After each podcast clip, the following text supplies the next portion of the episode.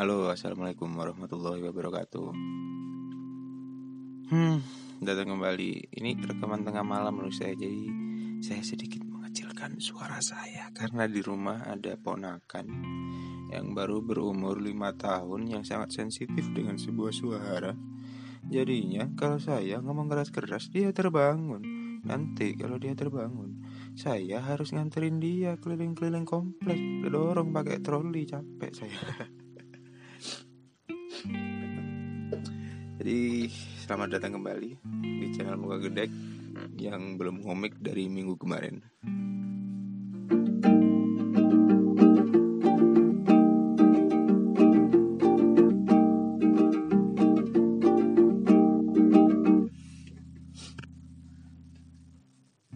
Ya hari ini kita nggak bahas komik tentang muncak ya karena emang autornya lagi belum bikin komik karena laptopnya tiba-tiba ngambek.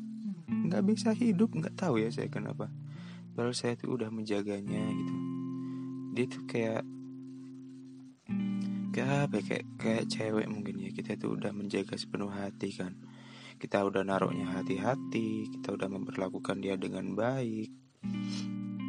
Tapi kalau dia emang bukan buat kita ya akan rusak dengan sendirinya. Dia akan pergi meninggalkan kita yang sayang sama dia. Apa sih saya cuman ini ya sebel gara-gara laptop rusak. Hmm, dan nggak bisa ngomik lagi. Cuman nggak gara-gara laptop rusak juga sih ada laptopnya mama di rumah nggak saya bisa saya pakai buat gambar komik. Cuman ada beberapa kerjaan yang harus saya selesaikan belakangan ini.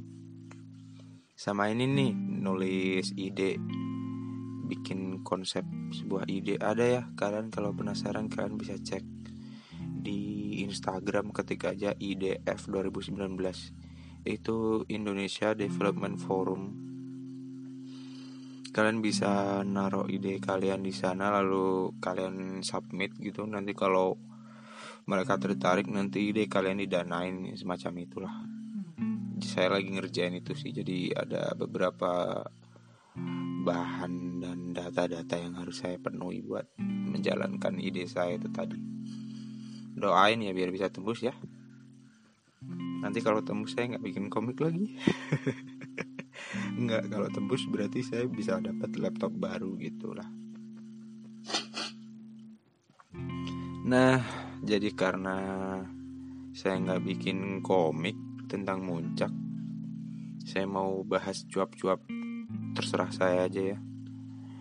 Jadi saya kemarin itu habis bersedih gara-gara hmm, ini loh lihat komentar-komentar Facebooknya Greenpeace Indonesia. Coba deh kalian lihat-lihat di situ ngeri banget ngeri ngeri ngeri ngeri. Itu jadi kemarin itu ada campaign kampanyenya Greenpeace yang baru itu tentang stop penggunaan apa ya lahan sawit. Jadi kalau kita nggak beli produk sawit itu bisa aja nanti apa ya lah sawit itu nggak bakal liar ditanam terus gitu loh nggak bertambah-tambah terus gitu lahannya. Kan itu kan adanya di Kalimantan. Di Sumatera juga ada sih sebenarnya Cuman yang kesorot itu di Kalimantan soalnya hutan tropisnya itu dibabat juga kan. Katanya begitu. Terus jadi si Greenpeace itu membuat kayak kebijakan kayak gitu kan. Jadi supaya kita itu mengusir pemodal-pemodal yang main di ini pasarnya sawit itu.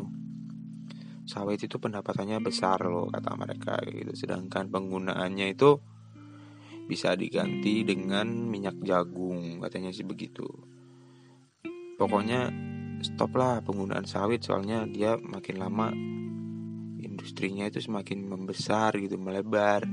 Terus individu-individu yang nanam sawit semakin apa ya semakin semakin kepancing buat nanam sawit lebih banyak entah perusahaan per perusahaan atau per individu deh.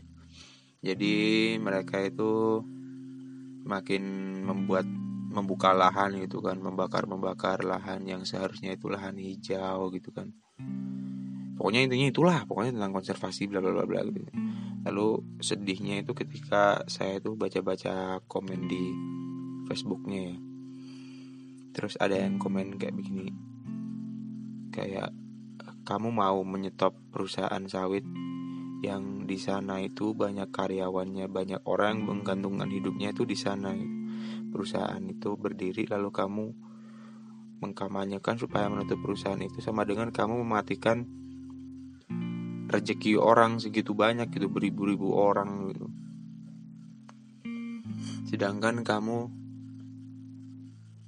melakukan kampanye seperti ini cuman gara-gara beberapa ekor orang hutan doang kata dia terus di bawahnya juga ada yang komen kayak jadi kalian lebih mentingin kehidupan orang hutan daripada manusia begitu kan. Terus ada lagi pokoknya komennya negatif-negatif begitulah. Mereka itu lebih mendukung di industri sawitnya itu tadi. Saya sih nggak tahu ya dampak sawit ini kayak gimana gitu. Cuman saya kan dari pandangan uh, konservasinya doang. Kalau itu tuh merugikan buat paru-paru dunia gitu kan. Maksudnya si Kalimantan hutan Kalimantan ini termasuk paru-paru dunia gitu. Termasuk hutan dunia yang ikut menyumbangkan oksigen buat dunia gitu. Hutan Kalimantan itu juga berperan untuk itu gitu. Tapi apa ya? Menurut saya sih orang-orang kita itu terlalu mudah kasihan gitu loh. Kayak misalnya saya ini bisa sebagai contoh ya kayak mau kita kan bilang kalau rokok itu berbahaya. Lalu ada yang bilang tutup aja pabriknya gitu. Terus habis itu ada yang bilang lagi kalau kalian kalau kalian nutup pabriknya hampir pendapatan negara itu banyak kan dari sana dari tembakau. Terus kalau kalian nutup pabriknya berarti kalian memutus rezeki beribu beribu ribu orang yang kerja di pabrik situ gitu kan.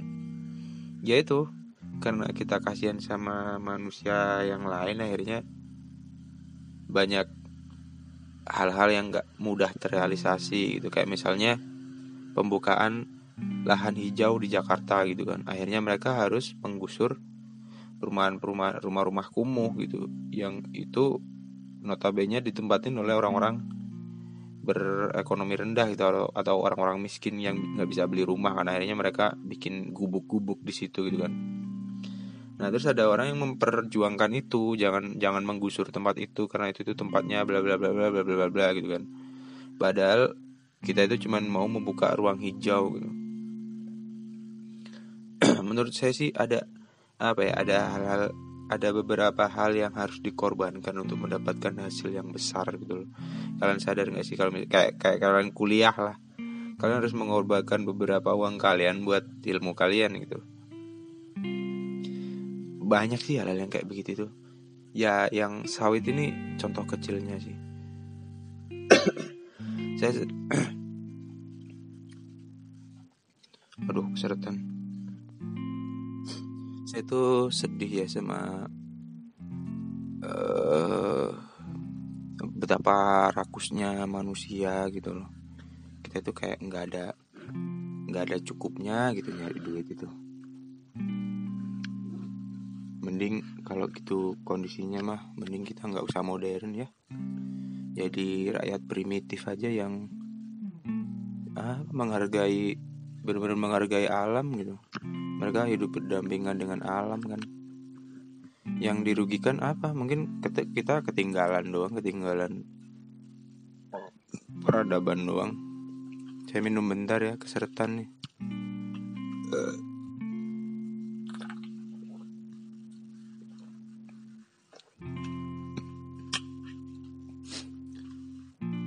banyak sih contohnya yang kayak begitu gitu kayak saya pernah nulis ya di nulis artikel di blog saya sendiri. Masih ada nggak ya? Saya tuh dulu sering nulis di domain namanya myweb myweb blog namanya. M y w a p b l o g. Namanya itu apa ya dulu ya?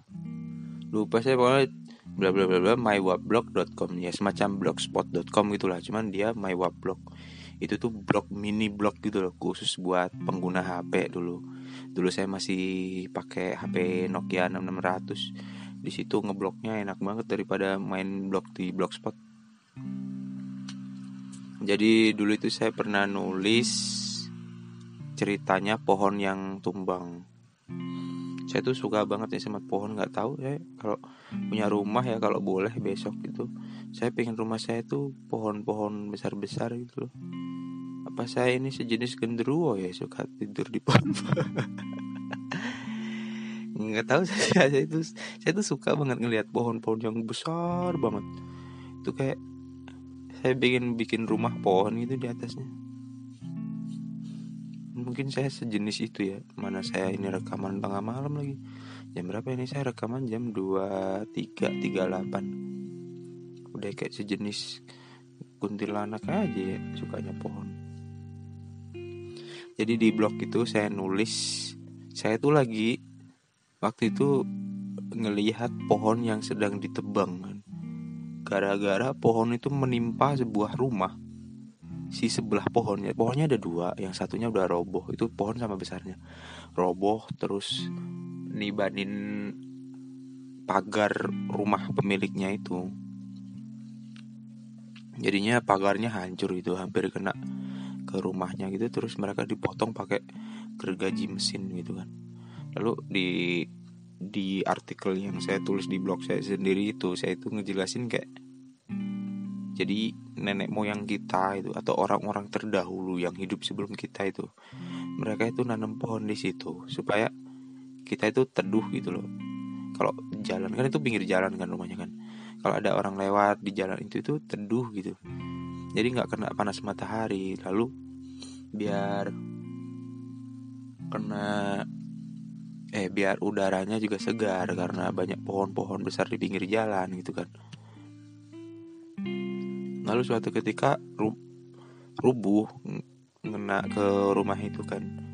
Ya menurut saya itu bukan salah pohonnya sih. Salah yang nanam. Bukan. Menurut saya salah manusianya sendiri. Ngapain bikin rumah di situ gitu loh. Uh, ya nggak nggak bisa dipukul rata begitu juga sih. Cuman ini apa ya kayak kayak istilah kayak perumpamaan gitu loh dengan terjadinya keseimbangan alam yang hubungannya sama sawit itu tadi. Sekarang misalnya pohon tumbuh di situ ya, terus ada rumah kerobohan pohon itu. Menurut saya bukan salah pohonnya sih. Menurut saya ya kamu aja yang terlalu dekat bikin rumah di deket pohon itu gitu kan. Padahal orang-orang dulu itu nanam susah-susah buat buat kita. Supaya kita kalau jalan itu teduh gitu. Mbah-mbah kita itu mikirnya kayak begitu. Supaya cucu-cucunya ketika main itu nggak kepanasan kena pohon gitu kena bayang-bayangnya di bawah pohon itu kan. Terus pohonnya bisa buat berteduh kalau ada orang jualan bisa istirahat di bawah situ gitu kan. Dulu sih mereka mikirnya kayak begitu. Lalu kita mikirnya ke arah lebih bahaya karena pohon itu udah terlalu besar gitu kan. Takutnya kan ngerobohin gitu kan. Alhasil pohon itu dua-duanya ditebang. Padahal padahal yang ngerobohin cuman eh yang roboh cuman satu pohon doang gitu. saya kayak uh, kayak mereka itu berkata kepada saya gitu kan apa salah apa salah saya gitu? Kenapa saya ditebang gitu kan?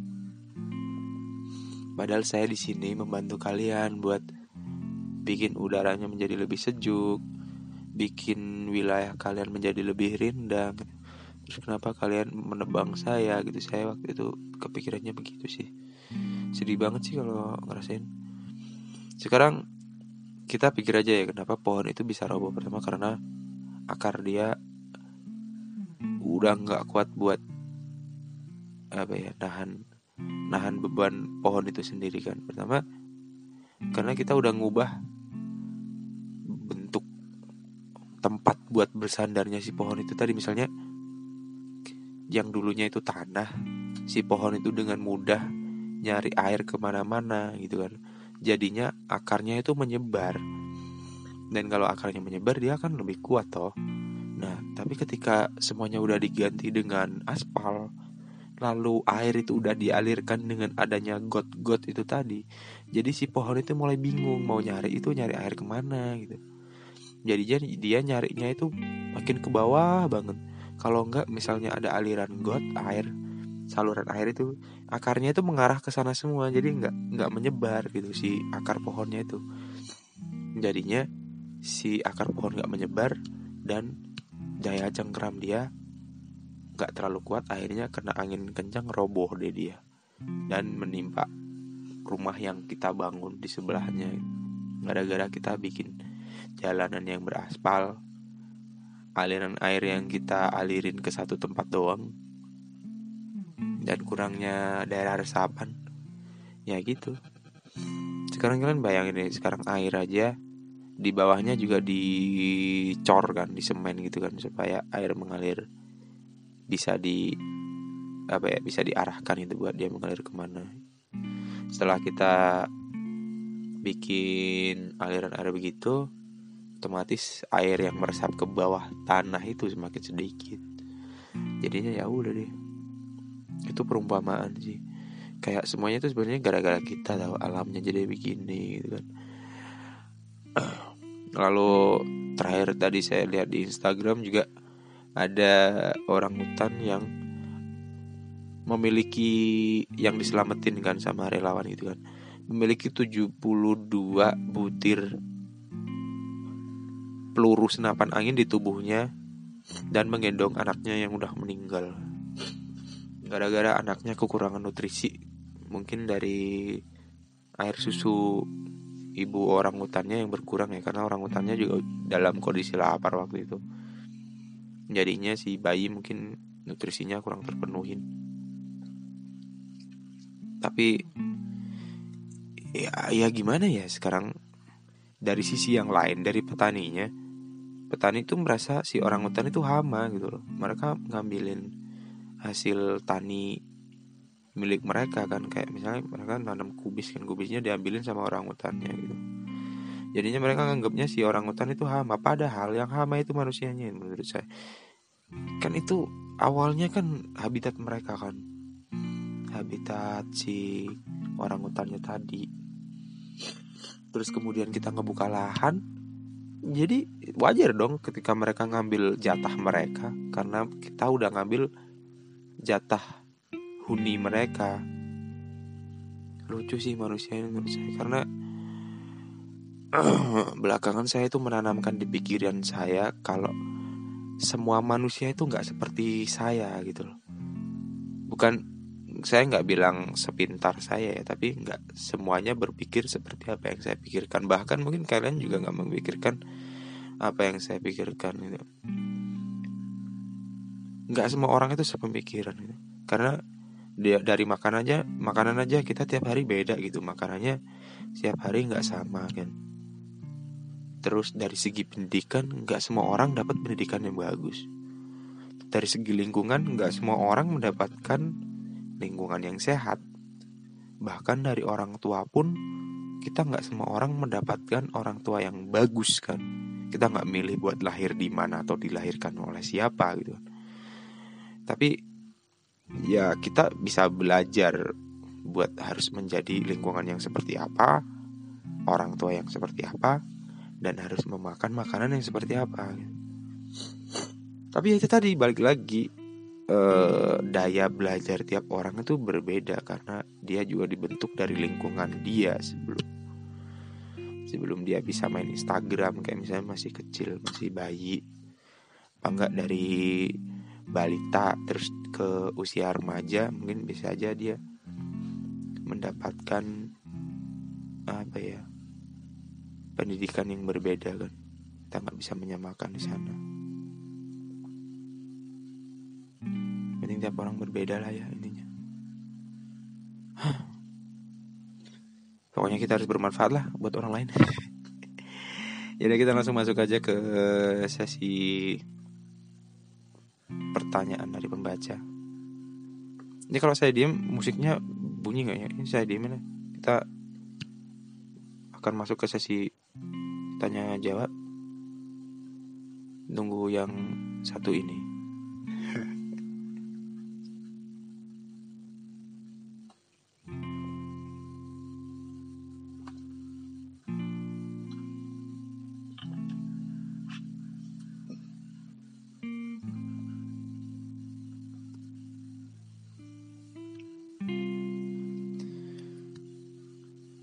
Kita sekarang udah masuk ke sesi pertanyaan dari pembaca. Sebelumnya saya minta maaf ya Saya nggak bisa upload komik. Katanya mau muncak Gara-gara Bimo laptop saya itu sedang tidak enak badan Jadi dia nggak bisa hidup. Oke pertanyaan pertama dari seperti biasa Ukaza. Dia cuma nanya Cuma nanya Pie gitu dong nggak tahu dia. Waktu itu saya tanyain pie-pie apa? Dia nggak tahu kata dia. Lah lah nggak jelas orang ini. Ya. pertanyaan berikutnya dari Dwi Wahyu Ningsih. Nama Instagramnya Dwi Wahyu Ningsih. Coba min bahas tentang cowok cuek hahaha kata dia. Lalu setelah itu saya kan nggak tahu ya maksudnya yang mau dibahas itu dari segi apa dari cowok cuek itu kemudian saya nanya ya nanyalah langsung lewat DM waktu itu ke dia Nih saya buka dulu deh DM-nya.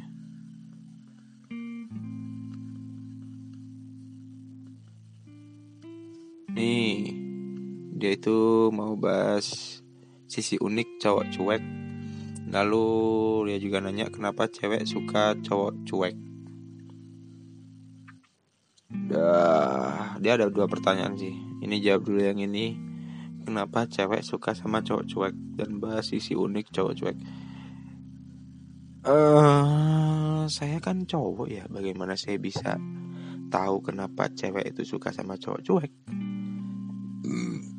Hmm, ini sepengetahuan saya aja lah ya. Mungkin cewek itu suka sama cowok-cowok yang misterius gitu ya. Jadinya apa ya manusia itu suka tantangan mungkin. Jadi mereka memilih lebih menyukai cowok-cowok cuek karena lebih seru aja deketin cowok yang cuek daripada cowok yang bener-bener jelas dan sangat peduli dan care sama kamu dan mau merhatiin kamu. Cuman dia nggak cuek dia itu perhatian sama kamu. Tapi kamu nggak suka. Emang ya cewek sama cowok itu bener-bener berseberangan nih kayak hidupnya terus sisi unik cowok cuek itu gimana ya? Nggak tahu saya. Sisi uniknya cowok cowok saya juga bukan cowok cuek saya itu cowok yang nggak cuek. Menurut saya sisi uniknya cowok cuek itu ya mereka cuma cuek aja. Nggak unik menurut saya. Sama mal saya malah sebel sama cowok yang sosokan cuek itu. Sok cool menurut saya itu. Kampret orang-orang kayak gitu kenapa saya jadi marah-marah ya?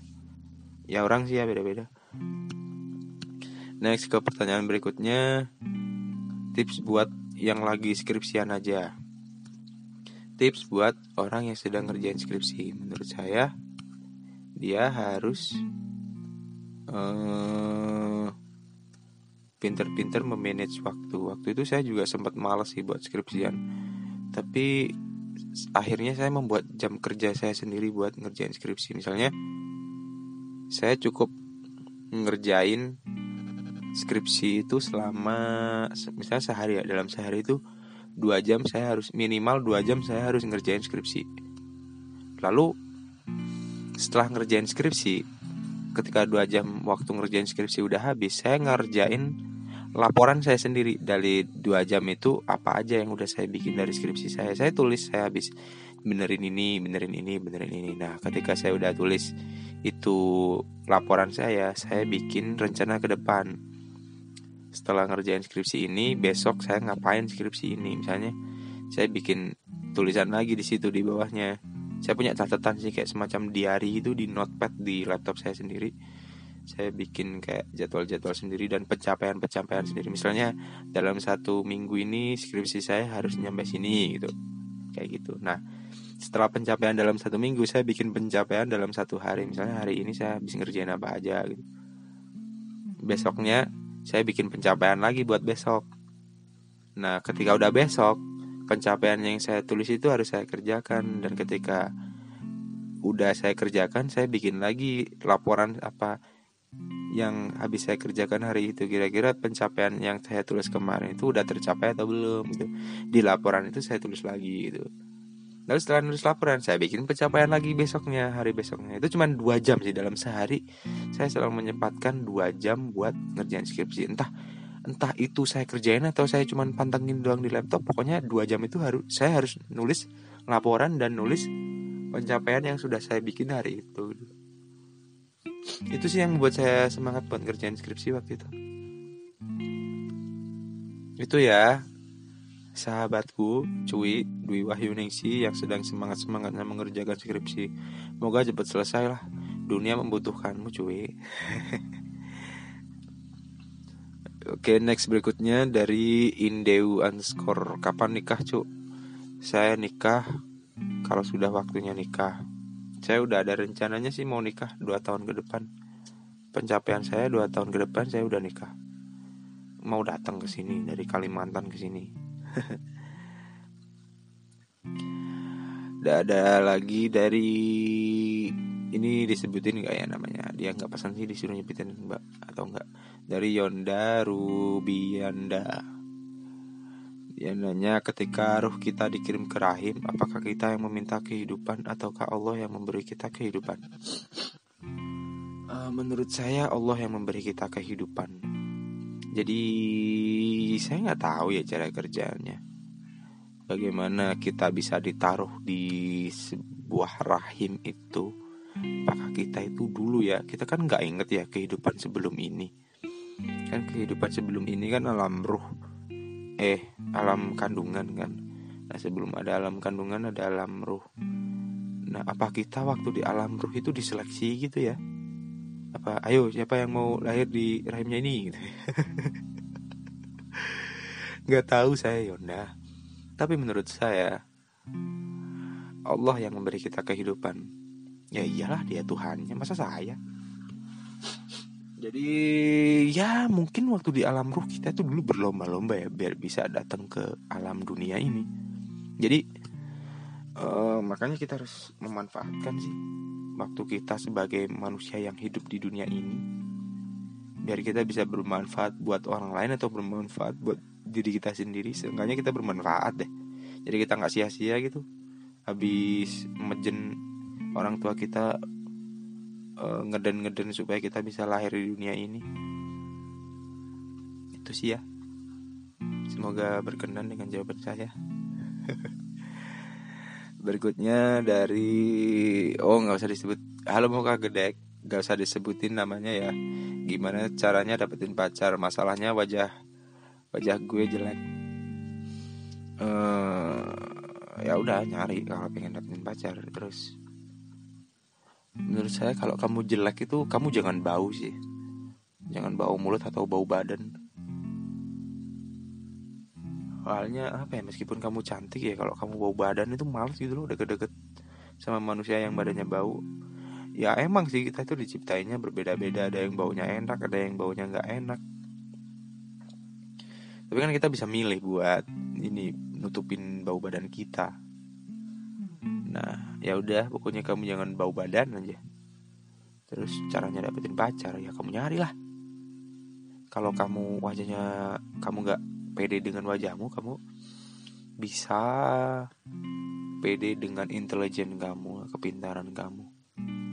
Kalau kamu nggak pede dengan kepintaran kamu misal kamu goblok udah udah jelek goblok bau lagi gitu.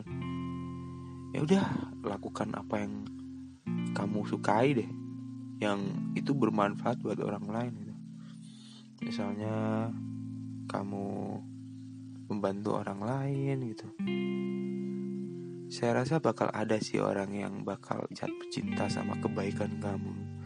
Misalnya ada orang yang jatuh cinta sama kepintaran orang lain kan. Ada yang orang jatuh cinta sama sifat orang lain. Ada yang orang jatuh cinta karena fisik orang lain. Ah, macam-macam lah ya orang jatuh cinta. Nah kamu bisa milih buat jadi baik aja.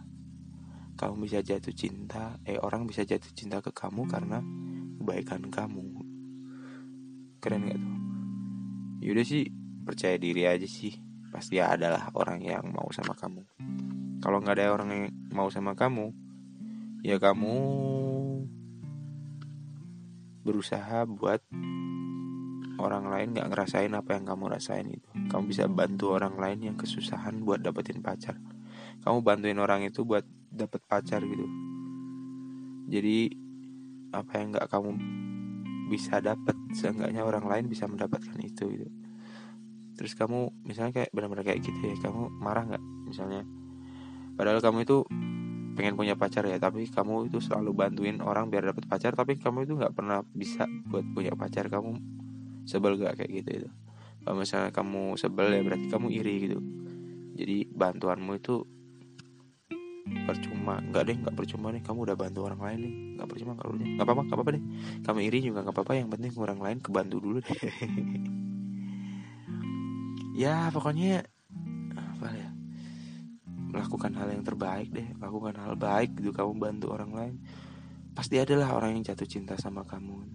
Meskipun kamu nggak tahu atau gini deh misalnya kan kamu bilang kamu jelek ya.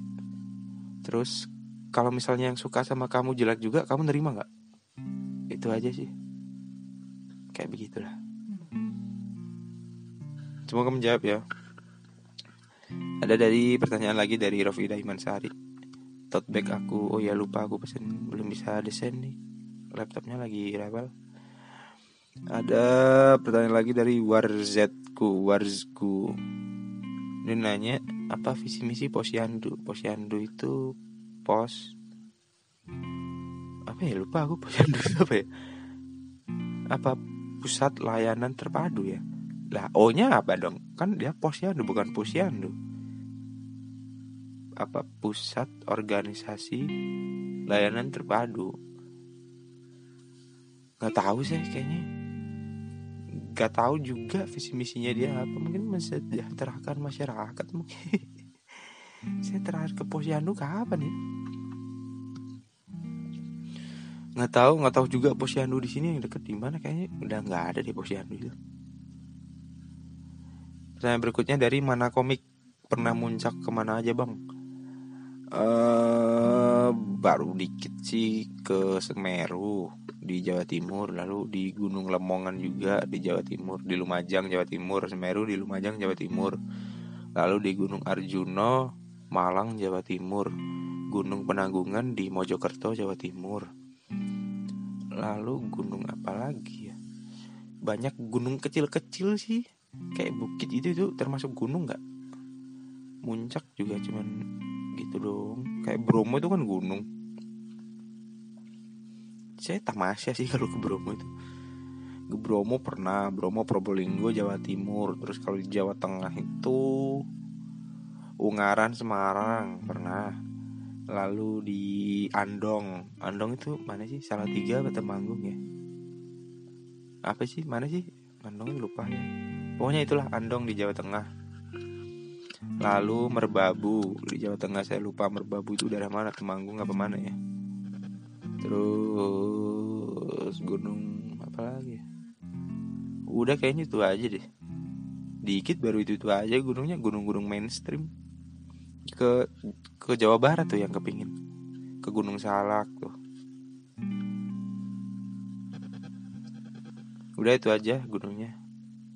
Pertanyaan berikutnya dari Widya Novita 5 nggak tahu mau nanya apa ya saya juga nggak tahu sih itu mau nanya apa dan itu pertanyaan terakhir.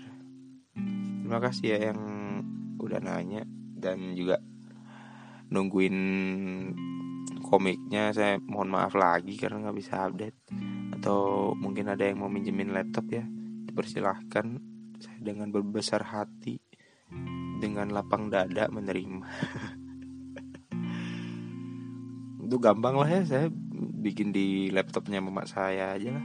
Tapi saya masih ini sibuk ngurusin itu idenya IDF itu Indonesian Development Forum 2019 kalian bisa ikut juga sih.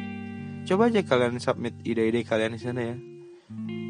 Katanya sih kalau menang dapat duit tapi saya juga pengen dapat duit juga sih. Tapi ada ide saya yang ingin saya sampaikan gitu di sana saya nggak peduli sih mau menang apa enggak pokoknya ide itu tersampaikan gitu dan didengar orang banyak gitu.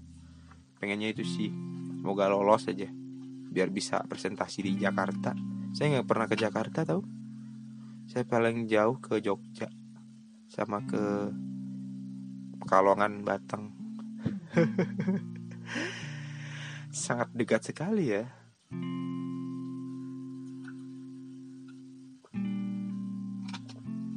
Oke itu aja dari saya Dari podcast Muka Gede. Mohon maaf sekali lagi belum bisa update. Sekali lagi terima kasih yang masih dengerin sampai sekarang Yang masih ngikutin komik Muka Gede. Jangan lupa kalau mau beli tote bag bisa di Muka Gede ya Di toko Gede kalian bisa pesan di sana. Kalian juga bisa pesan kaos loh. Baru tuh produk baru belum saya submit tapi saya juga jualan kaos kaki loh, cuman di ini di websitenya orang luar negeri di Teespring. Kalian bisa buka tokonya muka gede di sana. Ada kaos kaki, ada legging, ada ada legging loh. Gambarnya nanas coba leggingnya. Ada baju cewek, ada baju bayi, pokoknya banyak nih di teespring.com. Kalian cari deh di sana. Oke, podcast muka gede undur diri dulu. Terima kasih sudah mendengarkan. Bagikan kalau berguna. Jangan lupa like, komen, dan subscribe. Apa sih? Assalamualaikum warahmatullahi wabarakatuh. Selamat malam.